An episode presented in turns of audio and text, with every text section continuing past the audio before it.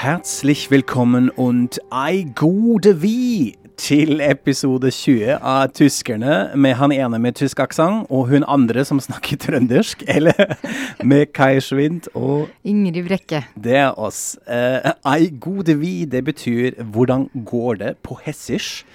Eller det er det man sier i Frankfurt, i hvert fall. Og vi sier det her fordi det har vært delstatsvalg i Hessen. Og det skulle vi egentlig prate mest om i dag, men så skjedde det jo uh, mye, noe mye større som vi eh, må snakke om. Og så skal vi også prate om noe helt annet, nemlig om tysk hørespill. Og vi skal forklare hva kassettenkinder er. Og som alltid blir det også ord. Men altså, først. I dag er det mandag, dagen etter delstatsvalg i Hessen. Et valg som har fått veldig mye oppmerksomhet i hele landet, fordi det regnes som et slags skjebnevalg. Uh, og de første konsekvensene har vi jo allerede fått vite om i dag. Angela Merkel skal gi seg som partileder i CDU. Altså ikke stille til gjenvalg på landsmøtet i desember, men hun fortsetter altså som kansler. Dette er store greier. Men før vi ser nærmere på det, Ingrid, hvordan kan man oppsummere valget sånn kort? Altså aller først må jeg bare si wow. Fordi det som skjedde i dag, det var helt Det kom uh, ganske overraskende i hvert fall på meg. Selv om man egentlig kunne uh, ha tenkt seg det. Mm. Så jeg må bare si litt sånn wow. I dag uh, sa Merkel at det er snart slutt. Men valget i hesten Pust. Jo, ja, pust. Nei, det som, det som skjedde, var jo i, i, store trekk det som også skjedde i valget i Bayern, og som vi ser på alle meningsmålinger, nemlig at disse folkepartiene, altså CDO, Kristeligdemokratene og Sosialdemokratene, de bare lekker velgere i alle retninger. Og CDO endte jo da på 27% og gikk ned 11% fra delstatsvalget eh, i 2013. Og SPD gikk også ned eh, nesten 11% Og så gjorde De Grønne det kjempebra. AFD kom inn eh, for første gang i delstatsparlamentet. Eh, altså De Grønne fikk da 19,8. Og eh, AFD fikk 13. Og De Linke og FDP eh, De Linke 6,3, FDP 7,5. Sånn at uh, valget var utrolig dramatisk. Men så tenkte jeg at nå har det liksom roa seg litt. fordi at uh, det som man kunne se i morges når alle disse detaljregningene var ferdig, tellingene var ferdig, det var jo at den svart-grønne regjeringa, altså Kristeligdemokratene og De Grønne, de fikk faktisk nok stemmer til at de likevel kunne fortsette. Ja. Så, og CDO har jo statsministeren, Folker Bouffier, og han kunne fortsette. Og da tenkte jeg nå roer det seg i CDO lite grann. For hvis han hadde måttet gå, og, ikke, og de hadde mista makta, da hadde det kanskje skjedd eh, store ting i CDO, tenkte jeg. Men da kommer meldinga ja. i 10-11-tida mm. om at Merkel sier at hun eh, trekker seg Eller det vil si, hun stiller ikke til valg som partileder når det er landsmøte i desember. Ja. Eh, så det var virkelig eh, dagens eh, store. Og hun uh, stiller jo heller ikke uh, til kansler etter perioden er over, sier hun. Og hun skal heller ikke ta noen politiske verv i Tyskland ja. uh, etter at kanslertida er over da i 2021. Så det var liksom dagens nyhet. Og Det er litt sånn interessant, fordi det er på en måte en sånn triple statement. ikke sant? Det er litt sånn, Jeg skal absolutt gi meg som partileder. Jeg skal ikke stille igjen som kansler, og jeg er egentlig ferdig med politikken. Ja. Jeg er ute ja. snart. Ja. Så dette er, selv om det er litt sånn balansert og strategisk, også et ganske tydelig signal. Det er litt sånn det siste vi ser av henne nå. Ja, Nei, det er veldig, ja, det er mm. sånn nå, er, nå, går det virkelig mot slutten. Nå er æraen snart over. Sånn er det. Men du hørte jo på pressekonferansen der hun holdt sin uh, tale. Uh, det var allerede kjent, men hun holdt jo da en liten uh, ja. Forklarte seg, forklarte seg for journalister. Veldig interessant, fordi hun gjorde jo det sammen med Folke Bouffier, som sto der ved siden av henne. Jeg syns litt synd på han, for det er litt sånn Ja ja, valg fin hesten, men nå til meg. Og kameraet litt sånn uh, går over til henne og zoomer inn på henne. Og han som har tatt turen til Berlin i morges og er så forkjølet og sånn. på en måte spiller han ingen rolle lenger. Nei, veldig interessant. Altså, Merkel jo, har jo blitt for det meste egentlig gjort narr av at hun er ikke en stor taler. Hun har uh, blitt beskyldt for å ha et sånn teknokratisk språk. Det er ikke noen store visjoner som hun klarer å formidle, og alt det stemmer nok. Men akkurat det der, det var ti minutter. Det var um, Ja, man kan kalle det for en tale, fordi det var litt mer som et statement, og det var tydelig at dette var forhåndsskrevet og litt sånn tenkt gjennom. Var faktisk ganske fint, vil jeg si. Jeg ble egentlig nesten litt rørt innimellom. Fordi dette er veldig typisk henne. Uh, måten dette blir uh, skrudd sammen og dette blir sagt. noe for tysklærere, eller alle som lærer seg tysk. Dette er en veldig fin tale for å, å, lære seg tysk konjunktiv. Det er noen fantastiske setninger der som er en sånn insane kombinasjon av würde, hette, sollen, venn, überhaupt. Sånt. men de gir mening. bare veldig sånn vakkert konjunktiv ja. konstruksjoner. da, Så det, det er veldig fint.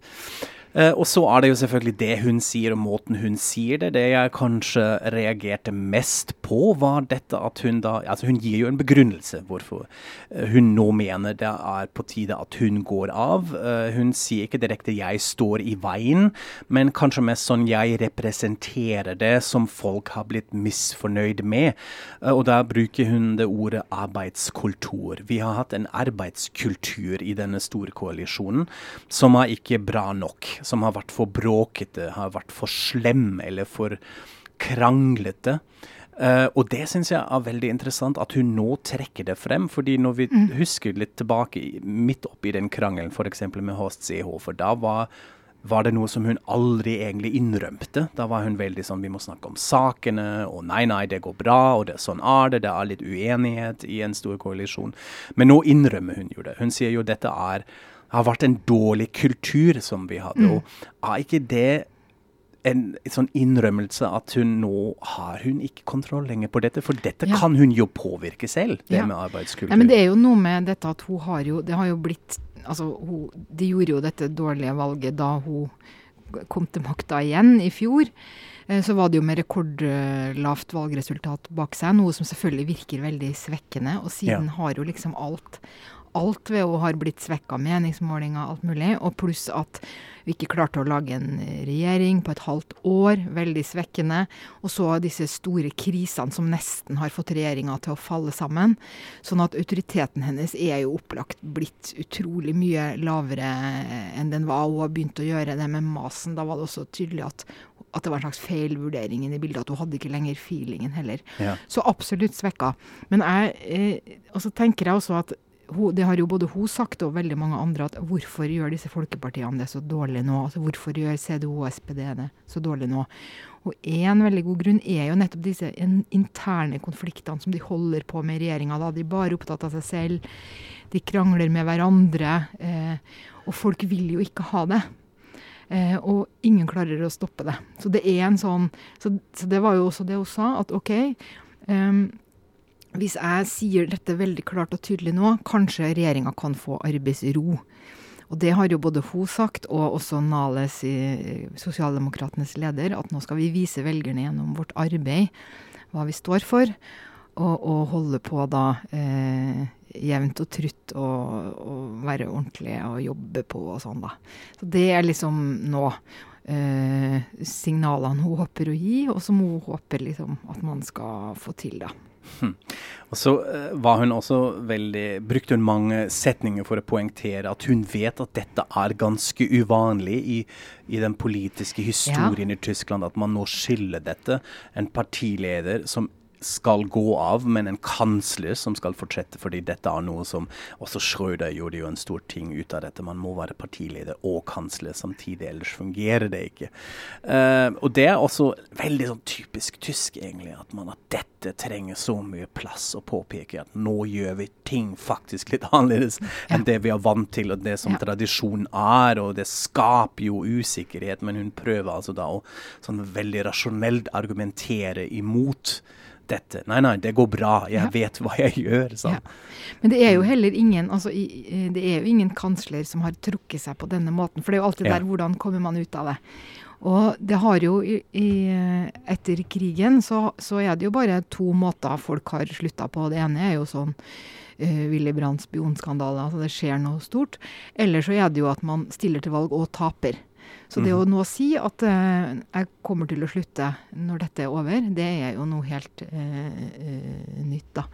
Og så syns jeg jo også det som jeg syns var mest rørende i talen, det er når hun sier noe sånt som at jeg har lenge tenkt på, eller jeg har tenkt på hvordan skal jeg komme meg ut av dette på en elegant måte. ikke sant? Det må en gang ta slutt. Alle skjønner det. Og jeg har ikke funnet noen måte, så nå blir det sånn som dette. Og da tenkte jeg at ja, ja, det er jo noe elegant i dette også, på en Mm. måte. da. Det å faktisk gjøre det som ingen andre har gjort, og det å gjøre det eh, i et håp, for det må man jo bare tro på, om at det vil gi regjeringa arbeidsro, og at man vil kunne fortsette litt til ved at i hvert fall hun tar kontroll over det lille hun har kontroll over nå, nemlig seg selv Ja. og, og sine handlinger, da. Og så får vi nå se, da, om det vil virke. Ja, så er hun jo også veldig bevisst på at dette handler først og fremst om politikken selv. Om en krise i politikken, uh, og ikke nødvendigvis om store kriser i samfunnet. Og Det er jo denne konteksten som er så fascinerende å se på. Jeg hørte nylig en rapport at uh, det har egentlig aldri vært så stabil i Tyskland. F.eks. arbeidsmarked. Uh, funker kjempebra, og det er egentlig ikke en usikkerhet der.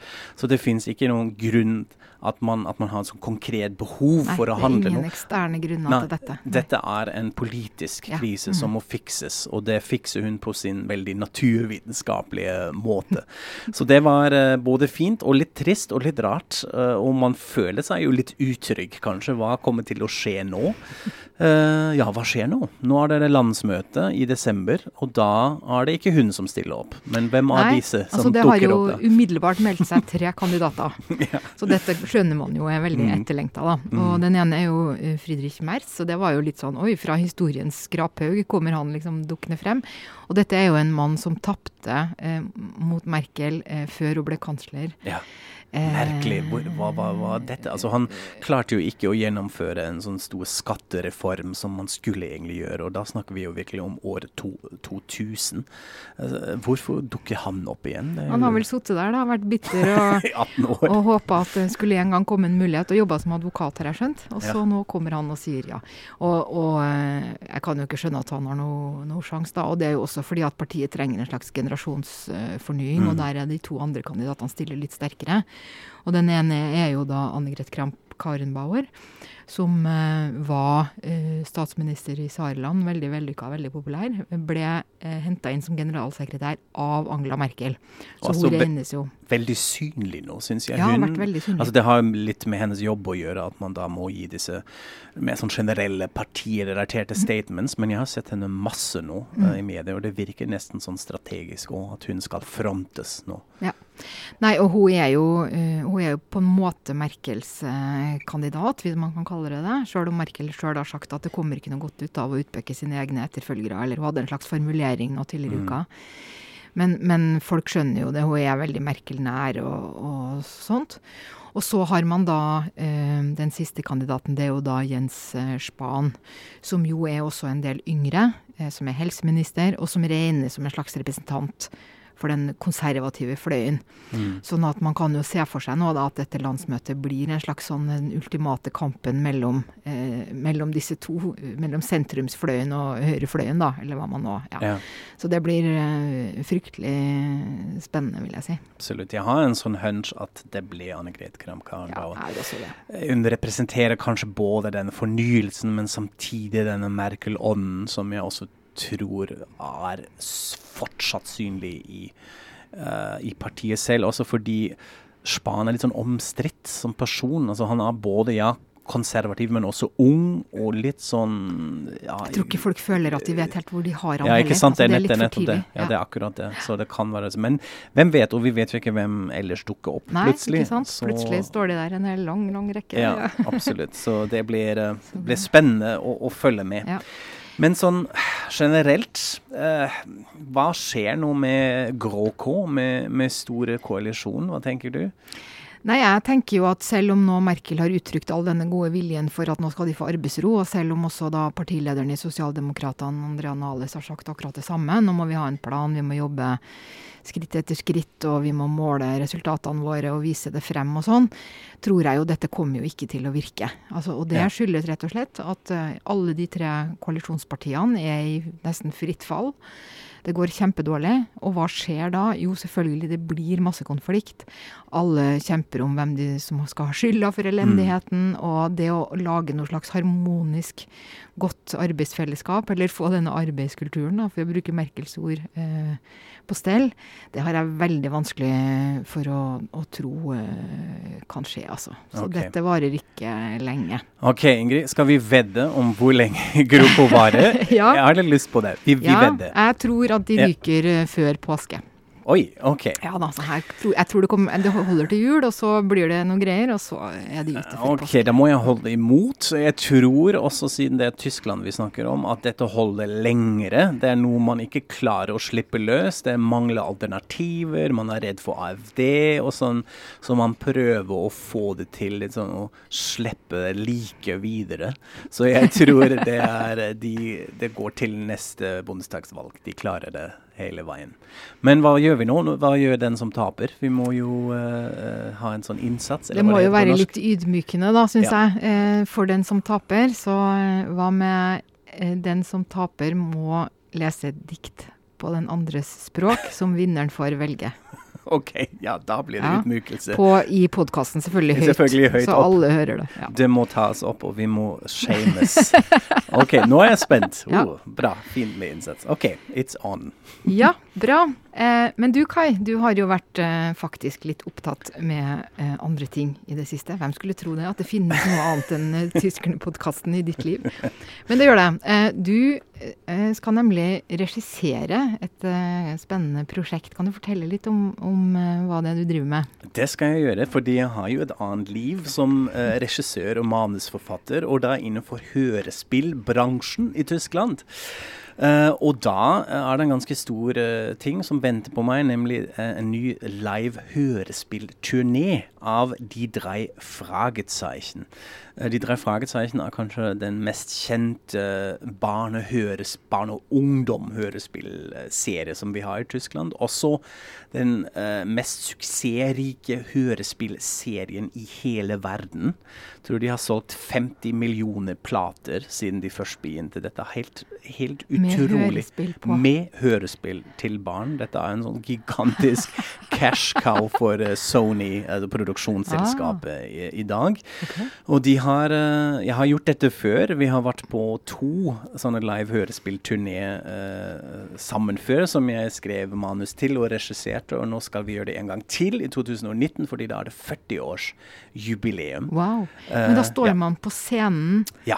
Og ikke har på seg skuespillerklær, holdt jeg på å si. Man har ikke kledd seg ut og sånn, men Nei. man står der, Ja. med, og, så, og så sier man replikkene og spiller da, sånn at man hører lyden som Ja. i et hørespill. Altså hele poenget var dere står der bare som vanlige folk. Nei, ja, altså poenget var med dette i bilen når det var mye mindre, at man skal liksom syn, synliggjøre hvordan hørespill lages Ja, nettopp, på scenen.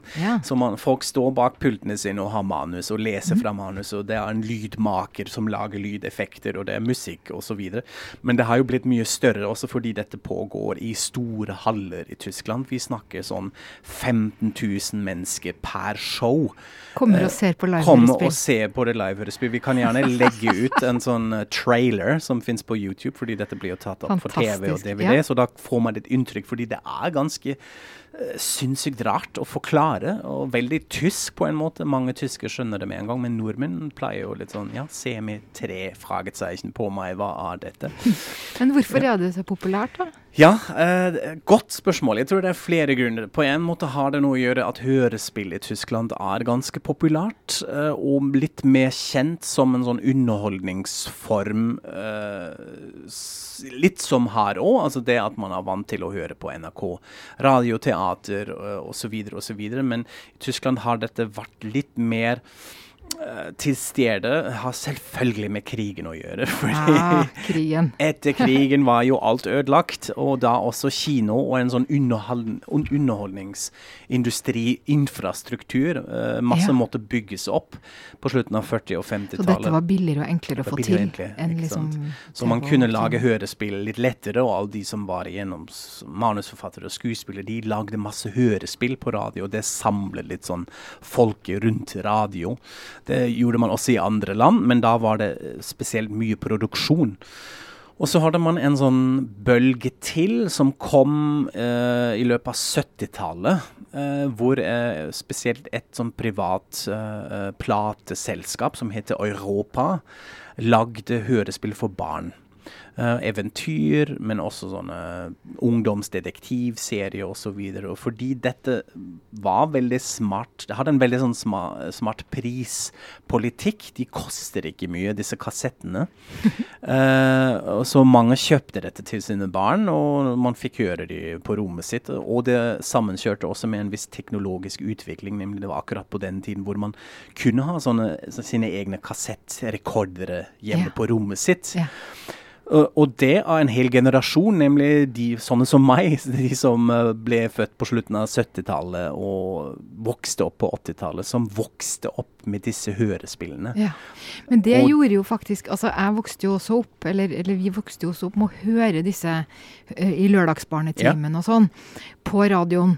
Men, men uh, jeg kan ikke huske at noen hadde dem, altså at man kjøpte ja. dem eller, eller, noe sånt. Så det er jo veldig annerledes. Da, at det fantes i tillegg. Vi hadde dem liksom bare på radio når de ble tilfeldigvis ble sendt. Og jeg tror da ligger virkelig forskjellen, fordi mm. man hørte disse hørespillene om og om og om og igjen, og det gikk litt sånn eh, inn i underbevisstheten. Mange av disse hørespill som jeg hørte når jeg var fem, seks, syv og åtte år, som jeg kan fortsatt utenat, som man er veldig vant til, de, til de stemmene osv. Og, så og det er derfor man kaller også denne generasjonen for kassettenkinder. Det er de som vokste opp. Og det er da sånne serier som De drei Fragezeichen eller TKKG eller De fünf Freunde. Eh, sånn klassisk, litt sånn Nancy Drew, Hardy Boys, Dickie Dick Dickens som man hadde her i Norge, tror jeg. Altså den sjangeren. Uh, men det som var rart, at det, det produksjonsselskapet har fortsatt å lage disse seriene, også med de samme skuespillene. Altså de drei Fragezeichen skuespillere. Disse tre gutter er nå menn langt i 50-årsalderen som fortsatt spiller disse rollene. uh, og det er nå på scenen, og det er veldig gøy. Og så er det voksne som kommer og hører på? Det er barn og voksne, ja. men for det meste vil jeg nok si voksne. Ja. ja. Og ja, det er litt når, rart. Når er det du skal på turné og sånn? Hvor langt har dere kommet? Ja, nå har vi, er vi midt i manusskriveprosessen. Eh, så denne manuset er ikke helt ferdig. Og vi har begynt nå å caste. Altså det er ikke bare de tre som skal stå på scenen, men vi skal ha en del biroller. Og det er alltid litt sånn spennende. Hvem skal man ha med? Eh, så vi jobber litt med det. Eh, og så ja, går vi på turné om et år, egentlig. På slutten av oktober 2019. Uh, i store haller i Tyskland, og det gleder jeg meg veldig veldig til. fordi det er virkelig ganske spesielt. Og så er det 40-årsjubileet. Så. så alle som er uh, i Tyskland, må komme. Uh, nå har billettsalget begynt, og dette selges ut fort. Så man må bare gå på nettet og kjøpe disse billettene. De drei Fragezeichen og det dunkle Taipan heter denne historien. Ja, jeg må jo komme meg på dette, da. Kai. Det må du gjøre, absolutt. Ja. Bra. Yes. Men da har vi kommet til ordspalten. Uh, vi må jo ha et ord. Kan vi relatere det i det hele tatt til det som har skjedd i dag, eller er det få konstruert? Hva slags ord har du med, Ingrid? Nei, i dag har jeg med ordet rabenmotta. Det er da et uh, tips fra en av våre lyttere. Mm -hmm. Eh, og skal man vel jobbe litt hardt med å lenke det, kanskje. Altså, jeg hørte det ordet første gang når jeg drev og skrev om sånn barnehagedekning eh, da jeg var korrespondent. For en rabenmotter, det er jo en, en mor som eh, er en dårlig mor, da, fordi hun ja. går på jobb og sender ungene i barnehage. Ja. på norsk har vi jo noe som heter tårnfrid, så det er vel en slags mildere variant av tårnfrid, tror jeg. Okay. Så det er en, en ravnemor. Men tenker ja. du, klarer, klarer, du å sette dette i ja, sammenheng med noe? Hvis man uh, tenker på at Angela Merkel kalles for Moti, uh, altså landets Mutti, så kan man jo si at hun nå er en Raben-Mutti og forlater oss. Men det er jo, hun, hun tar jo ansvar, så det er veldig konstruert og kanskje litt, kanskje litt teit.